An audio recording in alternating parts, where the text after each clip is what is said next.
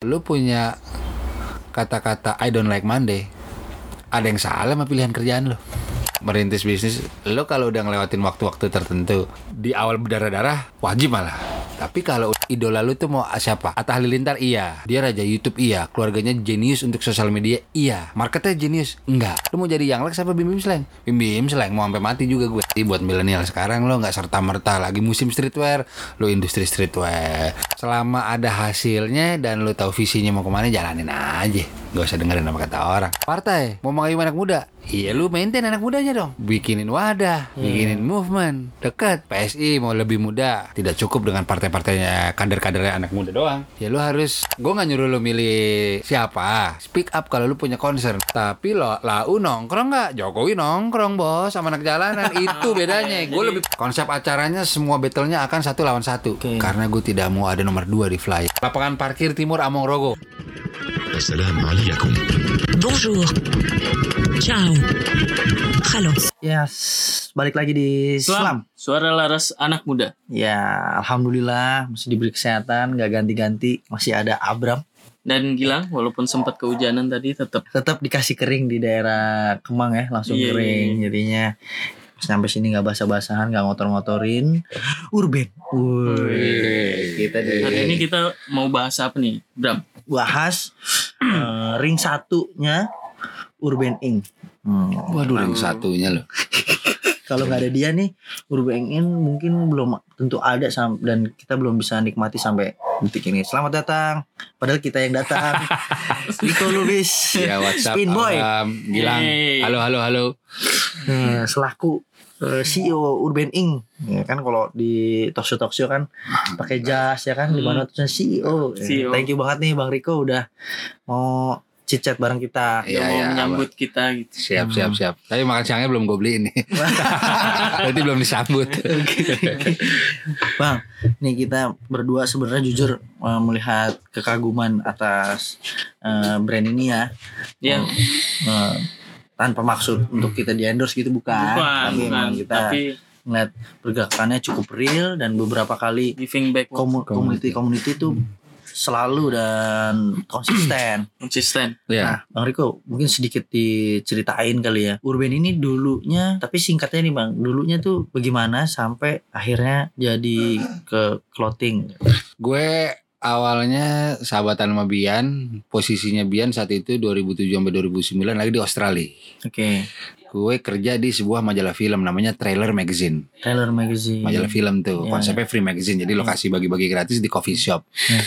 Kebetulan majalah itu berdiri eh, dari awal ada gue. Jadi gue tahu blueprintnya tuh. Oh, nyusun redaksi begini, pemilihan foto begini, editorial segala macem. Dan memang gue punya jiwa rebel dari dulu kali ya. Gue Iya. chat sama Bian via Facebook. Iya. Hmm. Tapi gue gak betah nih kerja kayak gini nih kayaknya. Hmm. Bikin sendiri yuk gitu. Apaan tuh? Lu kerja di mana emang? Gue kasih tahu tuh. Gue kasih tahu tuh dapur red cardnya Oh. perusahaan gue yang lama. Ya udah, gue balik beberapa bulan lagi. Meeting yuk kita. Meeting. Memang nekat, nekat. Iya, iya. Lagi kenceng-kencengnya majalah gue, gue resign cuy. Padahal gue lagi ada gaji bulanan loh. Iya, iya. Di 2009 saat itu, itu sih gue kayak bunuh diri. Gue dikecam keluarga gue. Kamu lagi punya penghasilan tetap, ngapain keluar? Cuma kalau kita flashback kan, kalau kita review lagi, kalau gue nggak punya nyali segede itu, mungkin nggak ada urban ya kan. Betul, Jadi lu lu bayangin gue meninggalkan pekerjaan gue yang lagi aman-aman saja Aman. dan gue spekulasi sama Bian nyuntik modal sendiri Iya. ya udah konten apa nih bi ya udah street culture deh ya udah yuk gue bawa basket Bian bawa hip hop yang notabene di Indonesia saat itu gue bisa jamin di 2009 belum ada majalah yang mengangkat konsep street culture waktu itu ada konsep free magazine konsepnya party Iya, betul. jadi gue bisa dibilang sama Bian saat itu yang pertama di Indonesia karena duit sendiri kita bukan anak siapa-siapa banggur cuy 6 bulan Ya, enam Oke. enam enam majalah. enam ya, bulan episode. ya gue sih jujur aja gue nggak malu-malu cerita proses ini sampai ada satu momen motor gue ditarik leasing Hmm. di rumahnya Bian karena gue Motor Vario itu Jelas, Ah. jelas the legendary Iya, Red iya. Vario. Red Vario. Red Vario. Iya iya. Maksudnya kan itu gue alamin mungkin kalau circle gue ya lu bisnis yang bijak lah ngapain sih lu ngikutin passion Hmm. I- itu gue alamin bangkrut pertama oke jadi kalau dipikir-pikir sebenarnya gue yang ngajakin Bian terlebih dahulu nama Urban pun juga waktu itu gue eh kita Urban nih tapi Urban kan di googling udah banyak banget. Betul. bah bahasa Perancis akhirnya. Ya. Urbang gitu. Oh. akhirnya itu dipilih dari situ. Gue lupa tuh keluar dari mulut siapa cuma tuh request gue juga bahwa cari urban cuma dari jangan bahasa Inggris yang biasa gitu. Jadi sebenarnya kalau gue boleh bercerita sedikit sebenarnya gue sih yang berinisiatif mendirikan ini. Tetapi yang tetap berdiri di situ di saat ini bangkrut itu Bian. Gue balik ke kerja office hour. Hmm. Bian gak nyerah di situ gue tetap Oke. deh jalanin. Gitu. Jadi Bian punya pengaruh besar juga. Iya, gue sebagai iya. saksi. ya dia di situ ya tetap gue jalanin kok. Gue gue clothing line aja deh. Ya udah. Bahkan di situ bisa dibilang karena udah kembali ke nol jadi balik gue mau lihat dulu oh iya kayak apa sih nih bi? Gitu. Ya dia ke Cipadu ke Ciledug. Jalanin dulu jualannya via Facebook. Ya udah. Akhirnya pelan-pelan ternyata ya dengan taste-nya Bian dia itu jujur itu taste-nya Bian. Dia milih kata-kata segala macam referensi. Ya, secara dia pernah di Virginia. Eh, oke banget. Tapi bisa gue klaim dari 2010 sampai 2014 kita menjalankannya tidak terlalu serius. Sudah clothing tuh. Ya. 2010 sampai 2014 sudah clothing. Yang di tapi garasi itu. di garasi tapi belum serius. 2014 bangkrut kedua. Sesimpel. 14 ya. sesimpel gue sebego ini sama Bian. Gue sebego ini sama Bian. Di mana mana manajemen tuh hanya ngambil duit profit. Modal lu puterin bener gak? Iya. gue enggak gue enggak. Omset gue ambil weh. 20 juta deh Bi. ambil. Oh, iya ya yang diambil modal doang ya. Jadi gue nyuntik lagi mau bikin artikel baru. Oh, sebego oke. itu gue berdua. Iya iya iya iya iya iya ke gambar. jadi bukan bad bisnisnya emang gue berdua manajemennya dulu cupu aja kan lebih ke Tuh, usia berapa rebel, tuh? rebel Apa? kan. Usia berapa tuh? 2014 tahun kelima lah tahun Iya. tahun kelima tahun kelima masuk lah yang ahli secara manajemen nih udah Adri sepupunya Iya. Bian Yes, Oke. yes. itu dari segi desain apa itu gue benar-benar dipretelin lagi dari awal mata gue kebuka dan gue 2014 entah kenapa nyali gue muncul lagi gue resign dari kantor Oh. akhirnya gue emang percaya sama suatu filosofi emang yang lo total ya Hmm. jadi ya banyak lah teman-teman gue juga punya clothing line cuma itu di dijadiin side job Oke. yang udah-udah nggak nggak maksimal juga kalau gue lihat. Oke. Nah, jadi since 2014 gue bisa bilang memang Urban ini 10 tahun, tapi kita baru gaspol 2014 dengan masuknya Udadri Hmm. dan gue pun full time di situ. Oke. Sejarahnya seperti itu dan ken- kenapa kita pilih kaos karena kita mau spread knowledge, spread statement apa sih nih? Karena menurut gue kaos lo pakai di mall itu orang lucu juga ya kata-katanya itu ya. Hmm, hmm. Itu, itu juga tuh ya dulu kan du- 2009 2010 tuh zamannya statement kan dulu Betul. ada B-boy Lilo kan Ya. I Muslim don't panic, Don't panic, Gitu. ya. itu, itu, itu gue Ya. di situ juga ya gitu. Jadi gue kayak main kata-kata kayaknya lebih long lasting dibanding lo main grafis. Gue sih seperti itu. Jadi emang message saya juga gue mau Jakarta ini punya pride juga jangan cuma I love NY segala macam. Ya, ya, ya. misi seperti itu. Gue dan kebetulan kita bertiga punya jiwa kompetitif yang tinggi. Jadi jadi kayak ya Jakarta juga punya streetwear yang bisa bersaing ya mungkin di dunia kali Benar, gitu. benar sih. Awalnya sih gitu. Jadi awalnya dari majalah Ya. karena gue kerja di majalah dulu. Ya. Biar masih kuliah di Australia, chat via Facebook, bangkrut dua kali. 2014 udahlah kita komit cuy, deh full time, full time udah bodo amat. Mau besok makan nasi goreng, makan batu bodo amat. Tapi lo harus ngerasain itu Yes, yes. dua kali. Berarti kita nanti Blat kita harus ngerasain makan batu. Makan Blat. batu. makan batu Kalau kita nanya Bian, Bian nggak bisa kita bilang emang dia pekerja keras. Pekerja Karena kan keras. banting tulang. Kalau bi Oh. boy, bi boy pasti windmill segala banting tulang. Panik tulang. Kok sebenarnya filosofinya gini sih kalau ada teman-teman gue yang merintis bisnis, lo kalau udah ngelewatin waktu-waktu tertentu di awal berdarah-darah wajib malah. Tapi kalau udah rentang waktu tertentu lo berdarah juga ada yang salah sama manajemen lo. Hmm. Kayak gitu. Sebenarnya gue sih akhirnya gue baru ngerasain beberapa tahun terakhir itu quote dari temen gue si Gofar. Hmm. Dia bilang gini dengan santainya. Ah, kalau lu punya kata-kata I don't like Monday, ada yang salah sama pilihan kerjaan lo. Oh, oke. Iya juga ya. Gue bilang. Ya lu kan udah ngikutin passion nih. Misalnya gue gitu Ah. lagi di kasih nasihat sama si Gofar. Ya lu tetep nggak suka Senin ada yang salah sama lo. Dan itu gue rasain 4 tahun terakhir since 2014. Gue tuh kayak Sabtu Minggu tuh kayak mau kerja. Biar Iya, iya, iya. ya nggak munafik biar duitnya muter sama gue Ya, explore gairah lah, paling gairah lah. Iya, jadi gue bisa ngerasain banget bahwa ya dulu gue kerja di kantoran tuh yang buru-buru pulang. Ya jujur aja gue sholat gue lama-lamain Iya. biar nggak nggak nyampe di meja lagi. Oke. Jadi itu kan nggak produktif sebetulnya. Gitu. Jadi ya gue akuin sih kalau lo kerjain sesuai passion lo yang gue alami sekarang lo menikmati waktu loading lo lembur malah doyan Hmm. kayak gitu jadi ya emang urban semangatnya memang kita nongkrong anak nongkrong gue juga gede di basket streetball awal di Indonesia jadi tidak terlalu susah di saat beradaptasi dengan kultur Benar, benar. karena gue ada di situ dulu ada sebelum ada industri ini Yes. gitu sih Bram Iya, iya. iya. singkatnya gitu sih tentang urban itu Bener banget. Makanya kayak apa namanya? nggak perlu bikin gimmick sesuatu lagi. Udah memang memang berangkat Hmm. dari kultur itu. pelaku lah pelaku lah Bener-bener. Seperti kayak statementnya Calvin kemarin. Kalau barbecue jam pasti isinya gimana nggak keren orang isinya pelaku-pelaku, Pelaku panitianya langsung pelaku-pelaku. turun di jalan. Gitu.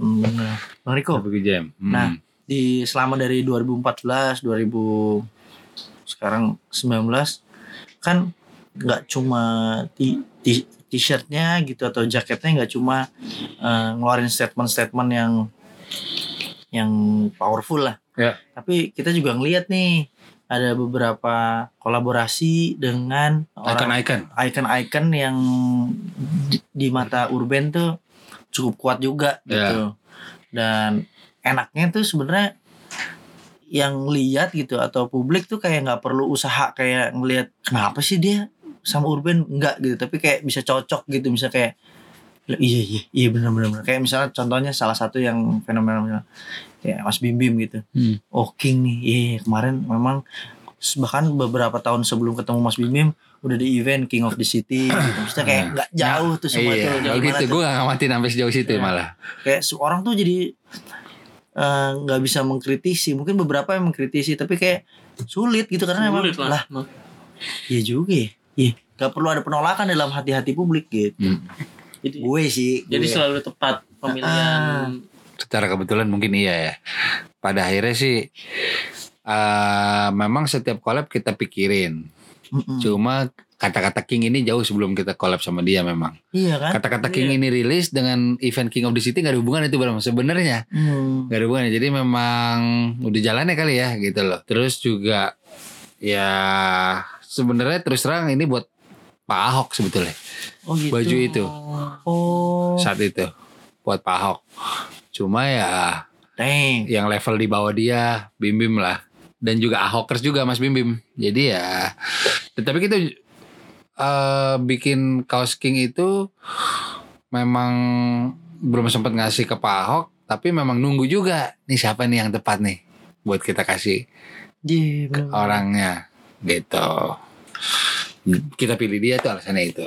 Tapi kalau lo tadi nge-review mungkin ada event ini kita tidak pernah merencanakan Bram Iya iya iya. terjadi begitu saja Betul, betul, gitu betul. Jadi natural juga. natural natural. Senatural orang yang nerima ngelihatnya juga kali ya. Kalau eh, boleh diceritain jadi ada beberapa icon yang udah mungkin teman-teman yang pendengar biar bisa tahu ceritanya. kolaborasi official kolaborasi yang pertama memang Mas Bim Bim official kolaborasi ada di kaos kita. Hmm. Eh, person ya? Ya, ya. person ya. gitu.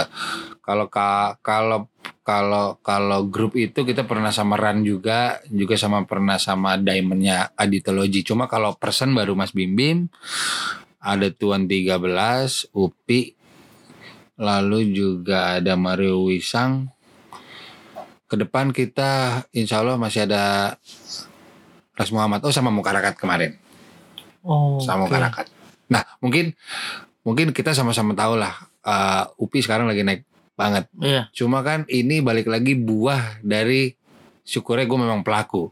Hmm. Upi sama-sama gue street baller. Betul. Gue yakin treatmentnya akan berbeda kalau yang approach brand lain bukan street baller. Benar-benar. Iya. Jadi gue juga kasih apresiasi, gue makasih banget buat Upi di nama dia yang lagi naik banget. Yo iya. Iya. Dia sangat fleksibel dalam bentuk kerjasama, termasuk Mas Bim Bim.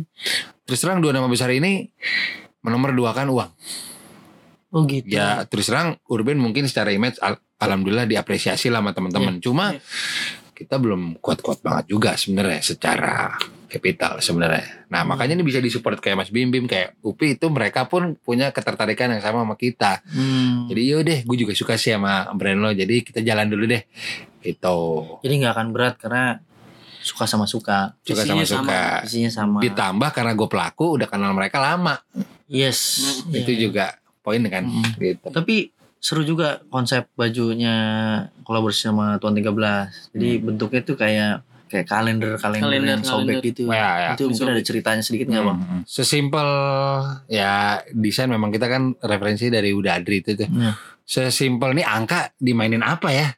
Oh. Yang yang terpilih kalender. Angka ini kan banyak tuh angka mau jadi apalah apalah. Iya. Ternyata kalender Cina lucu juga ya. Benar, kalender benar, sobek benar. tuh lucu juga. Itu sih cuma sesimpel itu aja sih. Oh. Filosofinya kenapa kita pilih jadi kalender. Itu makanya gue jujur aja gue langsung beli yang warna hijau. Visualnya kuat banget. Benar, karena kalau merah nanti semangatnya semangat hari libur. Nah jadi hijau gue Tetap terus ya. kerja terus. Kerja terus. Benar. gue sebenarnya pengen nempelin yang ad- yang I don't like Monday kata Gofar itu sih. Jadi gue tetap like every day gitu. Bang Riko. Sabi. Nah, memang sebenarnya kalau boleh diceritain kan ini kan beberapa kolabo- kolaborasi yang pernah dibuat segala macam. Memang aimnya nih Urban tuh mau kayak gimana maksudnya mau dibawa ke mana sih sebenarnya capaian yang pengen dibawa Kalau kata LeBron more than athlete kita more than a brand anjir. Oh. Ya ya ya. Eh gue berharap bisa kasih impact posis positif dengan cara movementnya lebih keril aja sih.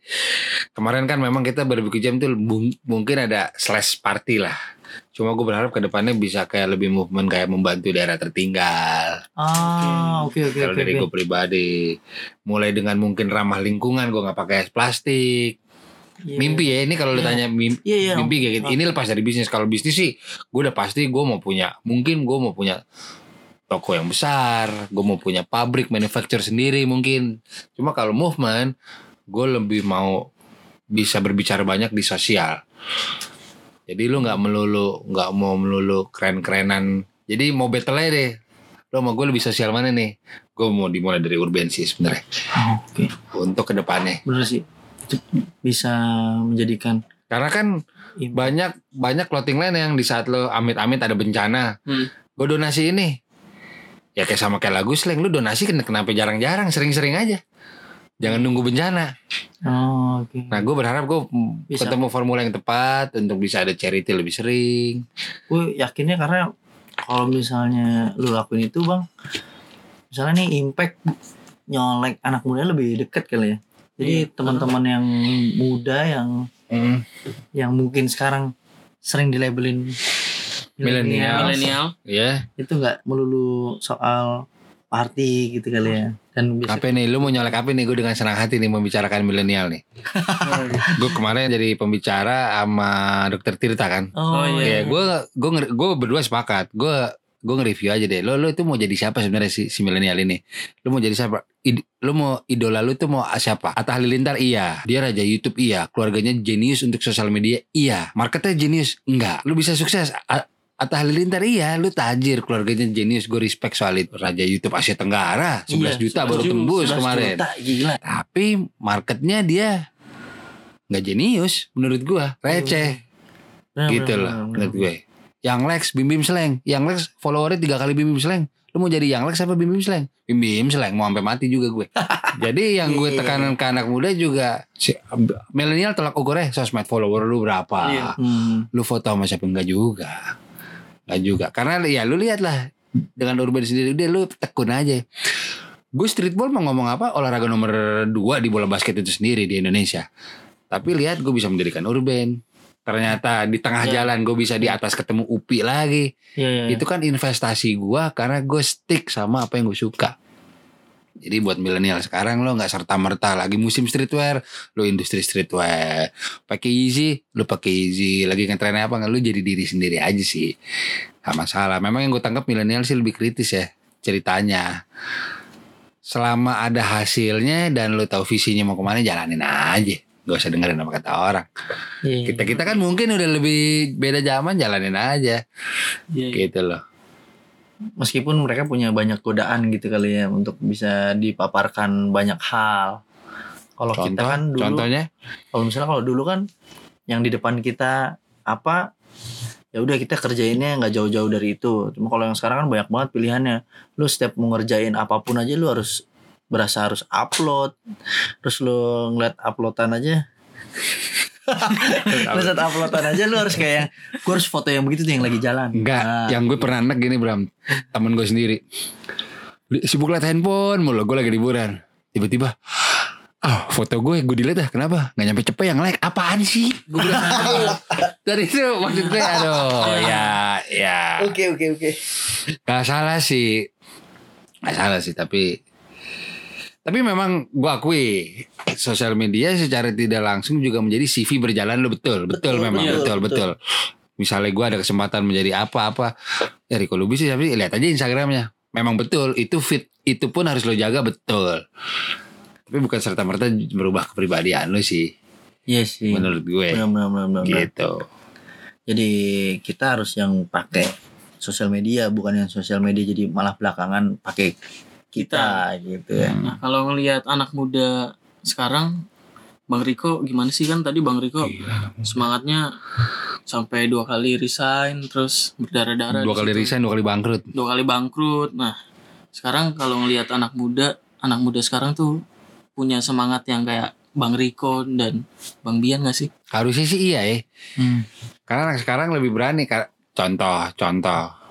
Kita dulu melakukan bandel yang sama lah. Gue yakin. Bandel kita sama lah. Cabut sekolah apa.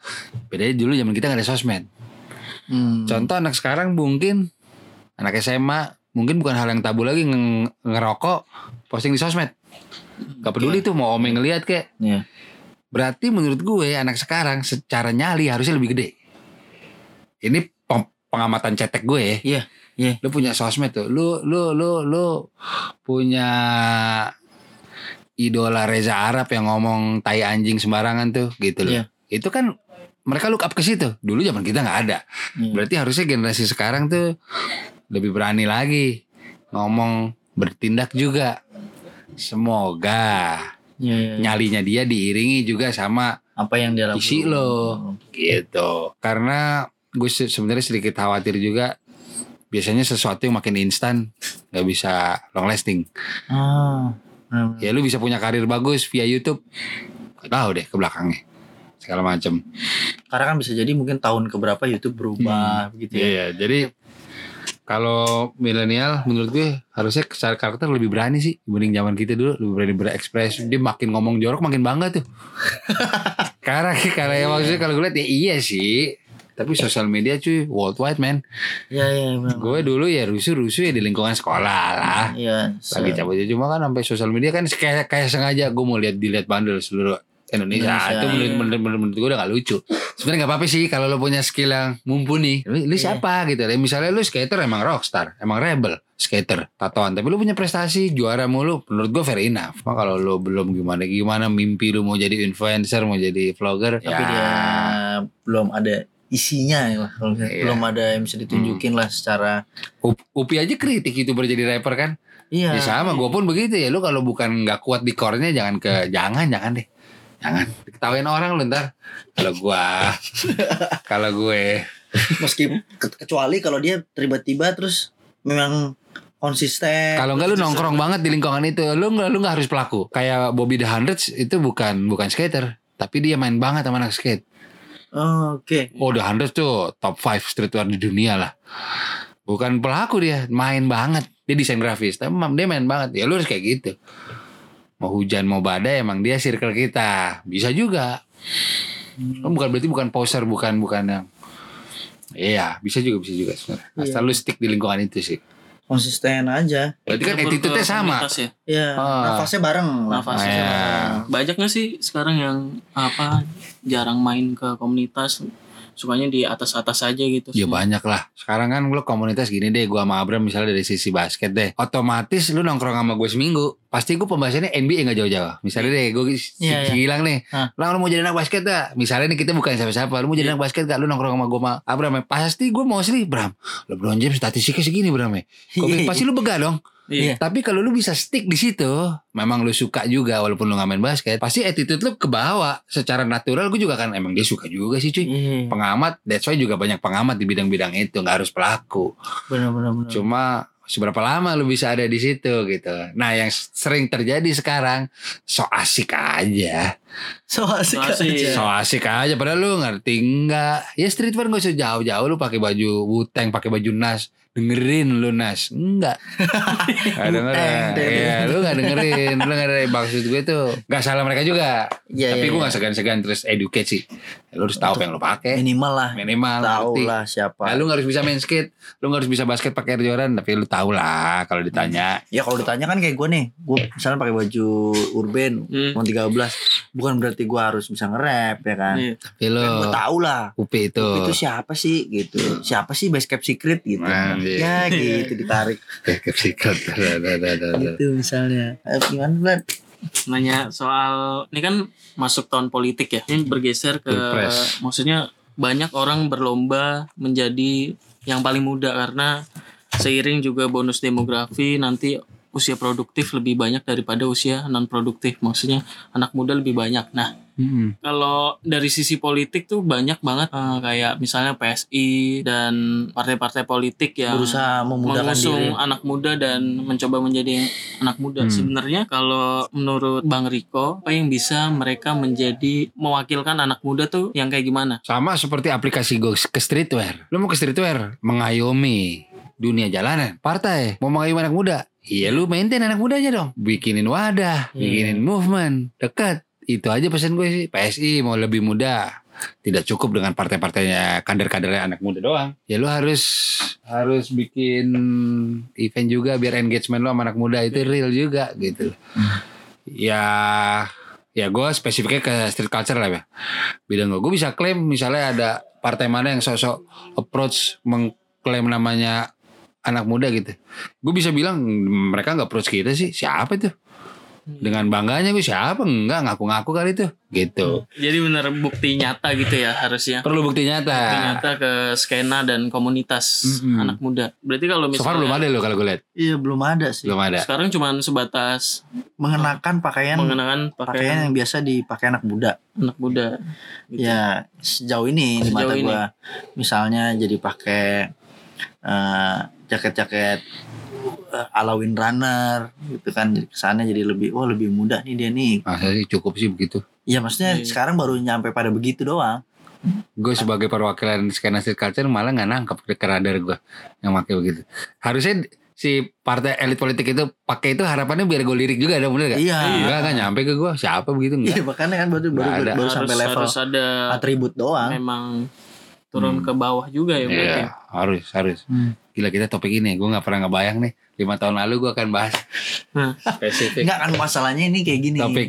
Si eh, apa yang lo lakuin nih maksudnya impactnya banyak banget ke teman-teman Apa yang muda dan lakuin atau, maksudnya. iya iya iya itu banyak banget dekat banget dengan anak muda terus kan pasti gue jadi mikir apa iya eh sejauh mata memandang lo di tahun yang ini gitu ada yang berusaha eh, tap in atau apa Pastinya. gitu.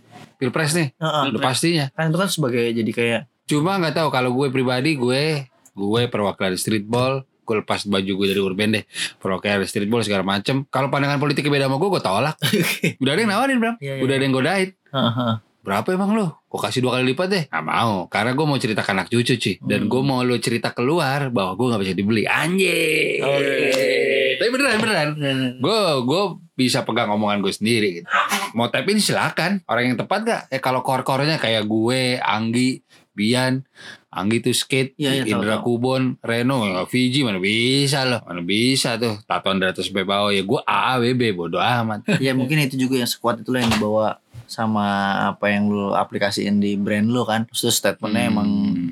core-nya tuh jelas gitu dibanding sama orang-orang yang memang mengedepankan laku aja atau dagang aja gitu. Asik. Mungkin gitu. Ya, ya, ya. Nah, kita mungkin gua mau sedikit tahu lebih banyak nih. Sedikit tahu lebih banyak tuh gimana tuh, Blan? Nah, Gimana coba lo, coba Ah. coba. Sedikit juga tahu lebih tuh. banyak, sedikit tahu lebih banyak. sorry, sorry. Tapi Nanti eh, nggak boleh banyak-banyak. belakangan gue ngeliat di sosial media lo dan beberapa teman-teman muda lainnya nih ada satu event yang bakalan diselenggarain kalau nggak salah 16 Maret sama 15 16 Iya, Maret. 15 16 Maret sama Dua tiga dua empat. 23 24 Betul sekali. Maret Iya. juga kan ya Betul sekali.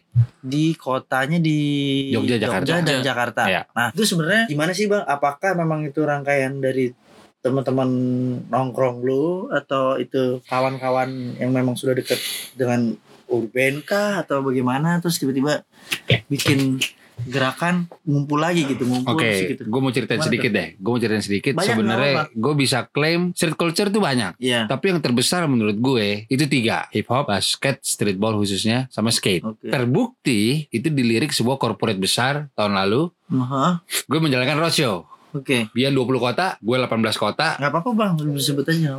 Gudang Garam. Oke. Gue dilirik salah satu brand terbesar di Indonesia Gudang Garam. Berarti apa? Mereka pun sepakat industri ini gede. Ya. Iya. Streetball jalan 18 kota, b-boy 20 kota, skate bahkan 30 kota. Cuma sayangnya tahun ini nggak jalan lagi karena peraturan pemerintah terhadap rokok lah.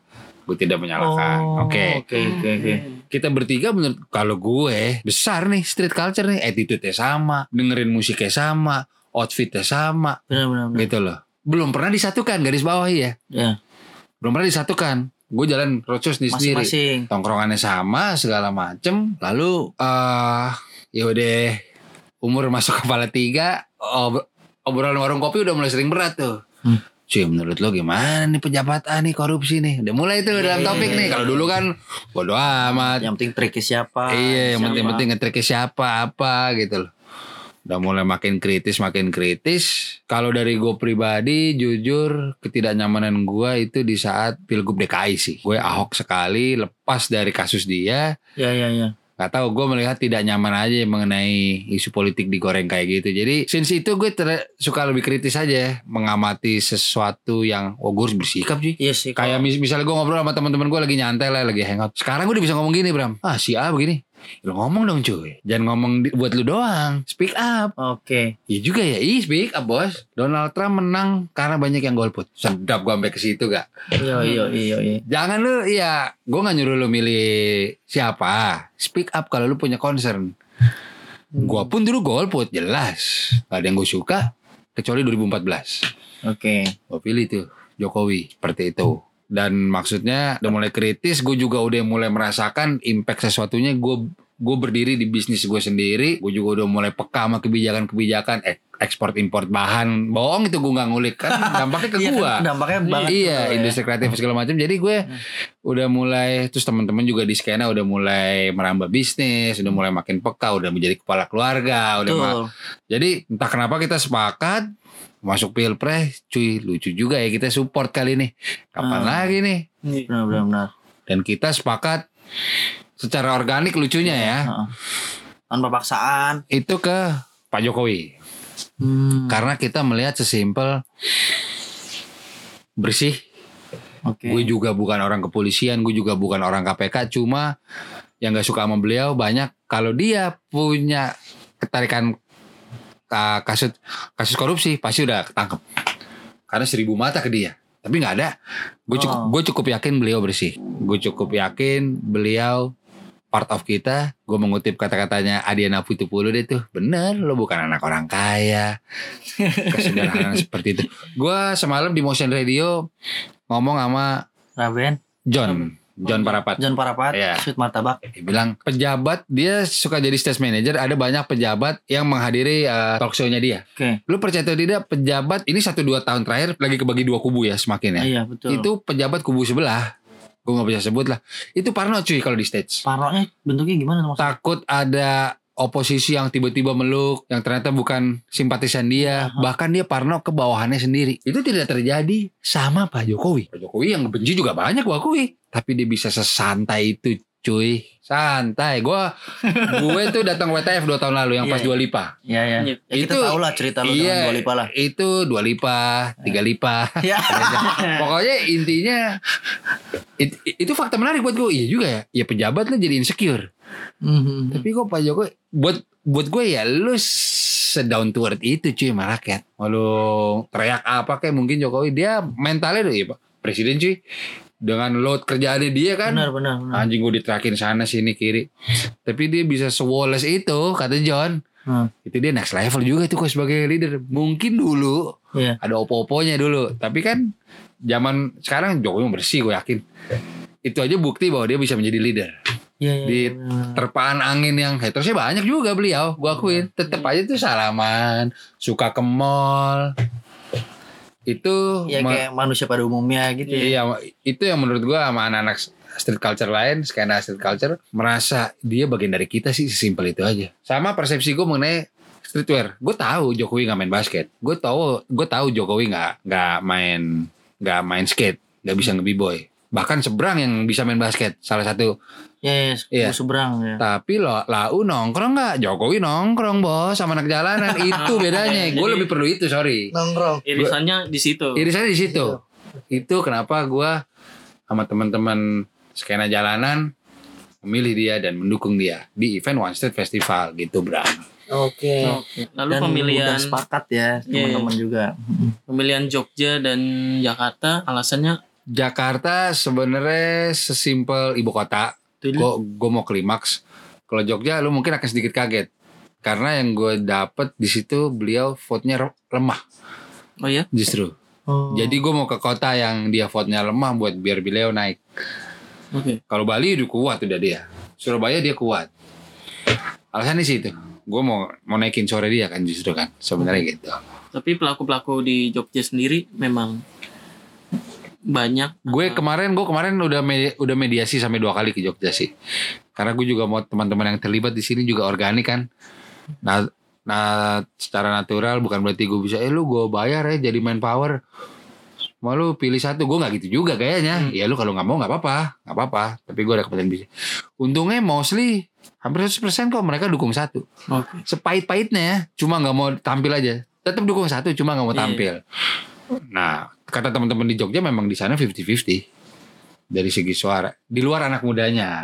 oke Cuma kan yang gue temuin kan pelaku kan, iya iya. anak basket. Ya mungkin Hmm. fanbase-nya mereka di bawah kan, yang perlu di kita bangkitin lagi suaranya gitu sih bro. rangkaian acaranya bakal seperti apa tuh bang Jadi Jogja dulu dong Bang kalau misalnya Jogja dulu. Jakarta. Jogja. Iya. Yang oh ya Jogja, Jogja, itu yang 16 15. Ya, Hamin satu kita akan ada talk show akan ada talk show.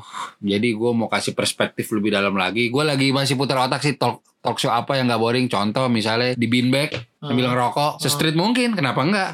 Ya, Cuma iya. pack- packagingnya gue bikin keren. Eh, kok konsepnya dan temanya masih sedang gue godok di situ. Pembicaranya ada gue dan Boski dari Streetball. Boski generasi Streetball sekarang iya, sebagai tahu, key, tahu. key opinion leader.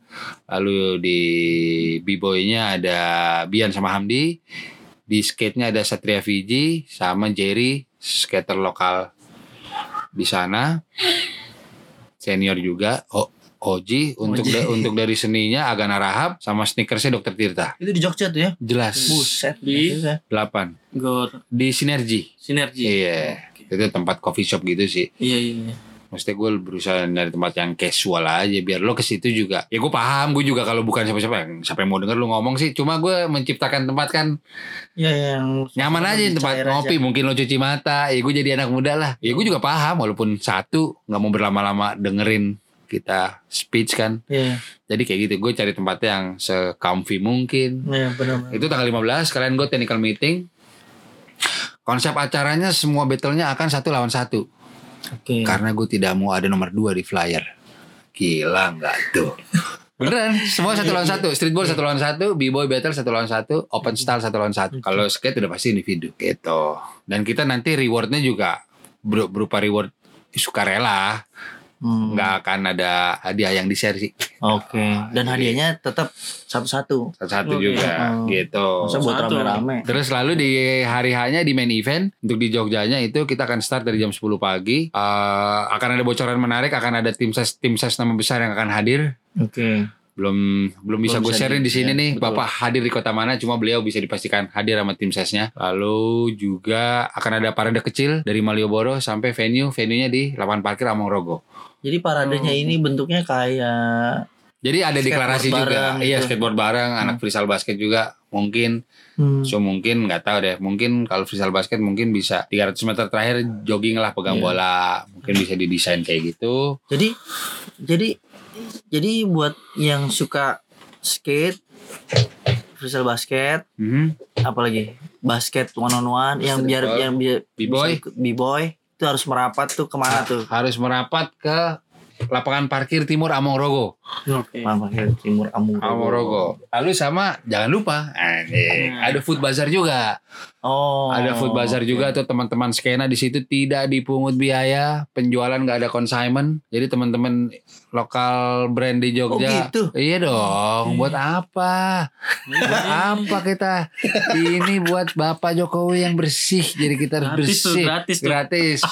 Nah, kalau food bazar di situ Agan Arham juga buka makanan, Gary Hell House juga buka makanan. Bang Giri jualan apaan Bang Giri? Oh, Resbol. Gue jadi mau buka jualan apa? ya? Hei, dah lama datang lagi Sakala. Dia dia Eh, pokoknya tiap eh. ada yang bayar dia gitu tuh muncul dari kaca. Hei, dah lama datang lagi. Terus masa harganya segini? Terus dia bilang belaga Belgi, gitu. belaga tepapi. Terus bi- eh, terus eh, terus eh, apa misalnya yang beli nggak bisa nih bang mahal. Lapangan banteng pur nggak pakai tangan kiri. Gue bikin pipi lo bunyi gitu. terus gitu lagi jadi house buka buka buka but. Ada food truck juga nanti. Gitu kan memang mau membawa juga lokal industri juga. Bahwa memang nih mata rantainya lo dari lokal brand juga pelaku ya kayak gue Urban kan. Jadi biboy biboy di sana anak basket di sana kalau mau buka but sangat kita persilahkan tanpa kita pungut biaya. Sama di Jakarta juga gitu juga. di Jakarta begitu juga. Ya, boleh lu Bram, Gilang mungkin masih ada. Boleh nih. Alias masih tinggal dikit, tinggal tiga slot. Beneran dua, dua dua kali dua. Hmm, bisa Terus juga. gimana caranya supaya gue dapet slot satu? Ya ngomongnya sekarang. Iya, gue sekarang bang. Iya udah boleh. Mau lu mau bener. Benar. Kali jodoh. Katanya nggak bisa datang lo kali jodoh. Tapi kan barangnya bisa datang. Oh, boleh bisa datang. Oh, nanti hologram. Hologramnya, kartu kartu kartu Dragon Ball lagi. Iya, bener. Itu cuma dua kali, dua Gitu, kali doang. Ya, kayak jamnya Star Wars. Terus dari vendor hologramnya kalau siang nggak bisa lagi. Padahal acaranya sih.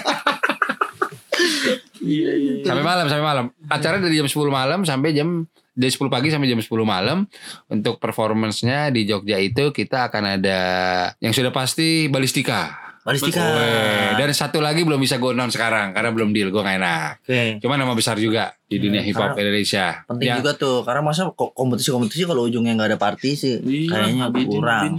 Hmm. Yang di Ja- yang Jakarta gue bisa announce justru. Oke. Itu tadi 15 16. Ya, ini Jakarta 2324 2324. talk show-nya itu eh, kurang lebih 80% speakernya sama. Kita memilih kali jodoh karena memiliki punya historis dengan Pak Jokowi. Kenapa Pak Jokowi? Pak Jokowi dekat dekat dengan Ahok dan itu dijelas-jelas peninggalan Bapak Ahok. Dan juga dari sisi jalanannya menurut gue itu juga dapat banget bukan di daerah selatan Jakarta. Jadi ke- kena ke rakyatnya juga dapat banget Eh, di Kalijodo eh lalu konten acaranya sama cuma yang lebih menarik kita akan lebih lebih menggigit nih ceritanya dari segi si performance-nya akan ada Sweet Martabak akan ada Saikoji dan yang terakhir Mukarakat Bukan kakak. karena dia bikinin tim song untuk event ini Tebas, lepas, angkat gas kayak gitu gitu. Tapi- tebas itu. baru sekali kan ada nonton Mukarakat kan Kali jujur pengen banget gua. gimana lu Gila. Jujur aja nih, Islam nih Bang nih memenangkan Kompas Citra Pariwara. emang iya menang nih Menang Desember kemarin. oh gila gua tahu gua Itu nggak yang nganterin siapa? Muka rakat kuda hitam. Oh, emang udah- em- emang- Wak, wak, wak. Nah. emang udah kerja sama sama Mukarakatnya Enggak, gue pinjem lagunya. Gue lagunya. kenalan dong Gue gak berani bang, takut banget. Emang apa sih gak ada gitu dia. Si Abram tuh gue bilang gitu. Ya, Kalau gitu tuh, kalau Gilang baik tuh. banget banget banget. Ya, Kerakat kerakat. ngawalin apa presentasi. Keren, keren, keren, keren. kita keren. pakai Makanya pengen saling kita pakai kemarin. iya takut orang kita itu presentasi bang yang lain tuh pada pakai jas jas blazer ya mungkin digulung lah kayak ala Pak Jokowi kita kayak meja Ada gak?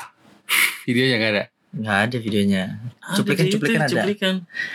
pakai lurik jadi kita pakai sarung bang Keren lah. sarung karena karena karena apa pakai sarung lihat kakak lipos Liput. 16 bar lu apa? Muka rakat. bilang Tapi kok kemarin lu nungguin dia kan? jelas Iya, gue di itu, atas Itu gak semua. Siapa yang boleh bukan akan dikit. Ah. iya setiap rappers mau ngomong tepuk tangan dulu buat Eh dia Wah, yang gak hormat sama dia. wah Yang pas rompes pecah ya?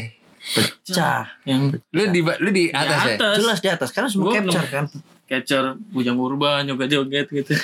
Oh dia ada ya? Gue gak, gue gak tahu gue. Makanya Itu itu, kayak udah kita juga baru sadar. Kenceng kan? oh lu minum juga deh? Lu minum juga ya? Enggak. Ah, Aji. Aji gila Aji. Gila ini baju basah begini gila.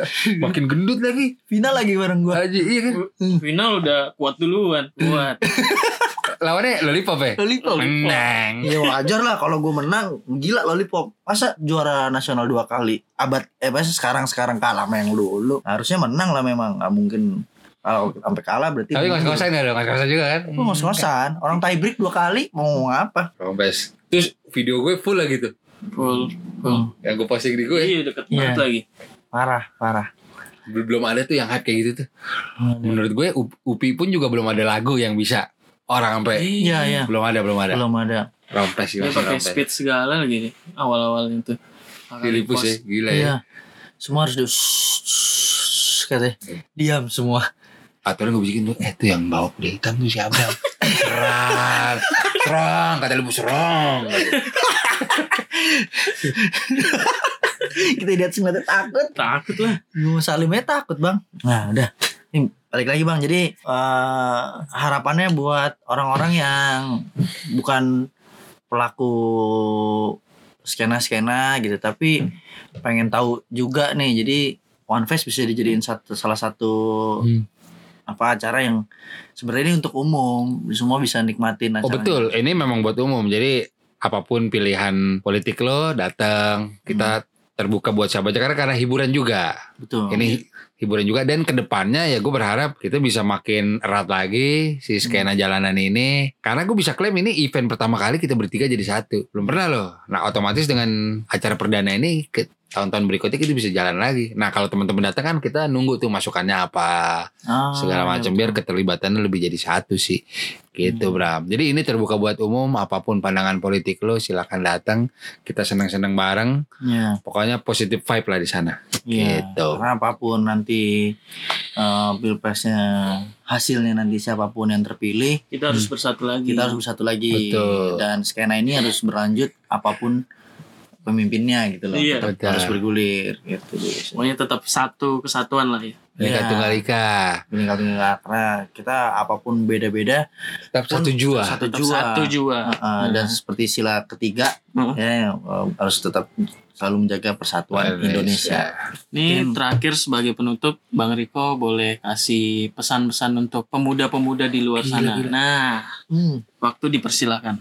Eh jadi diri sendiri, jangan ngikutin industri apa yang lagi happening di luar sana. Sama masa muda tuh cuma sebentar. Bener, masa muda lo harus seneng-seneng. Tapi waktu sebentar itu juga jangan lo buang-buang waktunya buat seneng-seneng terus. Better lo tahu visi lo mau jadi apa. Karena memang tidak ada kata terlambat. Tapi kata terlambat itu juga kerap kali menjadi mengurangi greget kita buat memulai sesuatu yang positif, usaha baru, Hmm. semangat baru. Jadi mumpung lo masih muda, produktif deh gitu aja.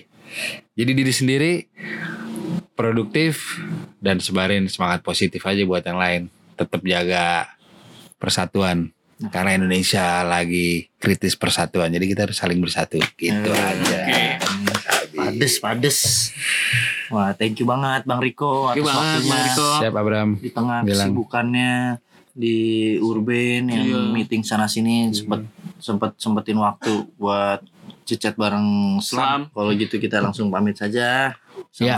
Abram. Dan Gilang dan Riko, Lubis, Assalamualaikum. Waalaikumsalam.